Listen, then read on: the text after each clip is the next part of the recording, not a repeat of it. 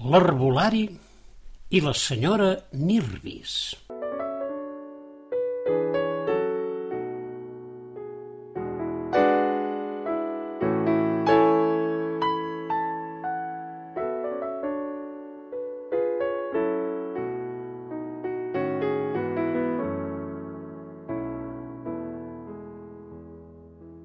Aquest primer conte parla de l'arbre del tiler, d'on Herbei recull una flor que va molt bé pels nervis i per altres coses.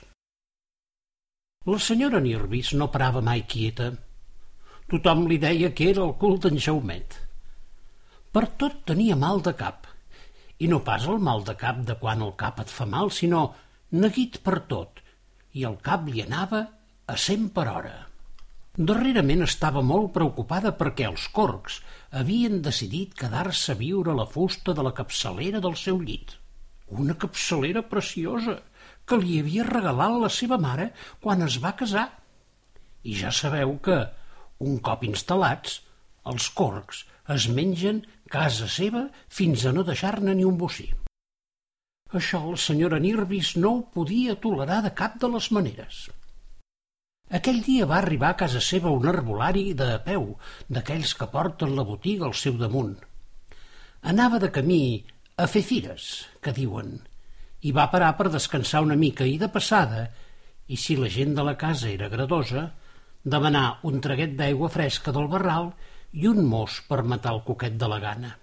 No en vulgueu saber d'aldri, quan la senyora Nirvis va sentir allò del coquet de la gana, de seguida li va venir al cap el seu problema del corc de la capçalera del llit. I aquell pobre herbolari va haver d'escoltar tots els laments de la senyora Nirvis i la mirava sacsejant els braços i anant amunt i avall de la cuina traginant estris i com es gratava cent cops al cap i es mossegava les ungles.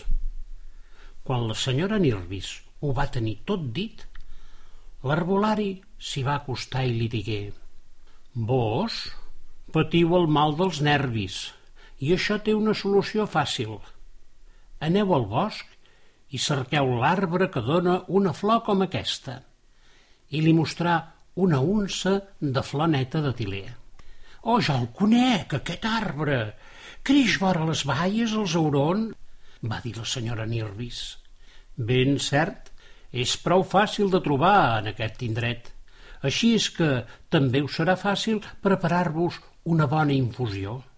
Però aneu alerta, cal que recolliu la flor tot just quan s'obri, deixant a l'arbre les marcides o les que encara són en capoll. Després, separeu la flor de la llengüeta i feu-ne dotze parts d'unça, cada una d'elles ben embolicada perquè no perdi les seves propietats. Veureu com això us anirà bé i arreglarà el vostre problema. Havent parlat, l'herbolari va seguir camí i la senyora Nirvis s'adreçà al bosc per seguir els seus consells.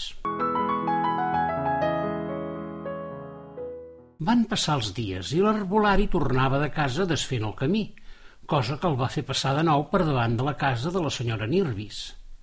I què, mestressa? Us va anar bé el remei de les flors de tiler? Ni poc ni gens, herbolari. I doncs, ja vau fer el que us vaig dir. El mateix, el mateix no ho sé, però segur que s'hi assembla. Au, expliqueu-m'ho tot i jo us diré si cediu a les meves recomanacions. Res, que vaig anar al bosc, vaig arrabassar un bon feix de fulles i flors de tiler, dotze unces ben bones, com em vareu dir, i tot seguit a donar-li bones infusions a la capçalera. Però, dona, li heu donat infusió de tiler a una capçalera. I a què treu cap, això? Que no em vau dir que era un bon remei pel meu mal? Que no em vau dir que anava bé per a matar el corc? Doncs jo, frega que frega, infusió amunt i infusió avall.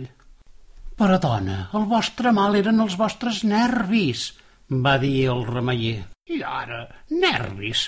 Però si jo no en tinc de nervis, quines coses que dieu.